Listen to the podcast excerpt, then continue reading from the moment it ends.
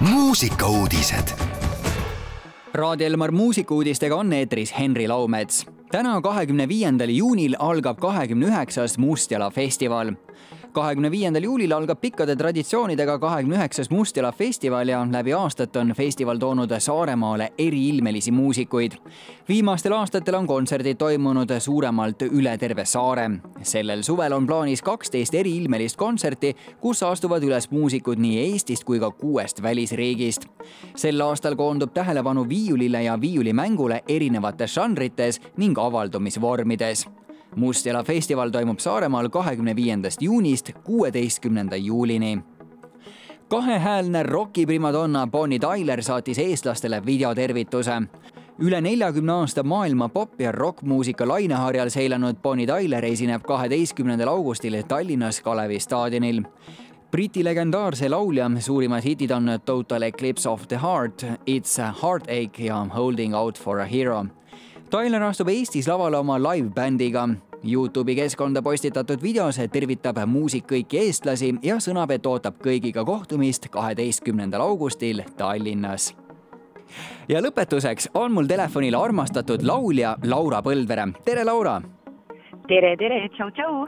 oled siin jaaniteel rõõmustanud fänne uue looga, aga pealkiri viitab küll millelegi, et pannakse nüüd üks korralik punkt. räägi lähemalt ja see lugu on selles mõttes, et kõikidele miskit, äh, ma arvan, et mida keegi, kõik on kogenud. et oleme, ma arvan, tõesti tulnud suhetest, äh, mis, mis on niimoodi alanud ja lõppenud kogu aeg. aga ühel hetkel tuleb ikkagi leida see see õige, õige hetk ja aeg, mil ikkagi minna edasi ja olla siis parem elukaaslane kellelegi uuele. et seda see grande finale siis tähistabki kuidas see sul üleüldse sündis, kas see tuli niimoodi pika loomeprotsessi käigus või umbes üleöö hommikul ärkasid üles ja juba olid esimesed viisijupid mõtetes olemas? tegelikult see on hästi huvitavalt sündinud. neli aastat tagasi Johannes Lõhmusega koos Vaasas Sugarhouse'is me kirjutasime selle koostöös siis soomlastega ja tol hetkel see lugu oli inglise keeles ja nüüd ma arvan, kuskil kuu-kaks tagasi meil oli ühe esinemise jaoks vaja seda lugu teha eesti keeles.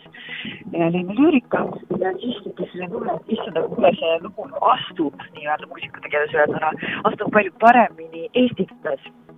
ja sellepärast otsustasime selle siis ka eestikeelsena välja anda kuulasin täna hommikul ka seda laulu päris mitu korda ja minul isegi tuleb selline, no mis selline, päris korralik suvetunne peale, nii et korralik suvehitsid sinu poolt on välja antud kas ongi laulu no, eesmärk?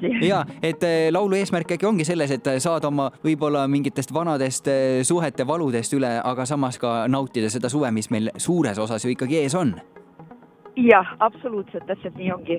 võid Eestit ringi purada, nautida ilma, isegi kui sajab rahet ja, ja, ja kuulata siis Grandes finaalet. aga siis lõpetuseks ongi võib-olla kõige õigem küsida, Laura, sinu käest, et mida sina käesolevalt suvelt kõige-kõige rohkem ootad?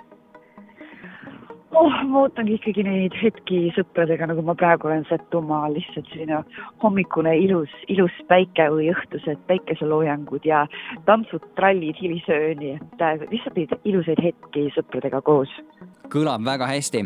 aga Laura, mina soovingi sulle siis sinna toredat nädalavahetuse jätku Setomaale, naudi kõige, kõige hinna, kõige raha eest ja, ja siit raadiokuulajad saavad osa sinu suurest suvisest laulust Grande Finale aitäh sulle ja mõnusat suve kõikidele! muusikauudised igal laupäeval ja pühapäeval kell kaksteist, viisteist.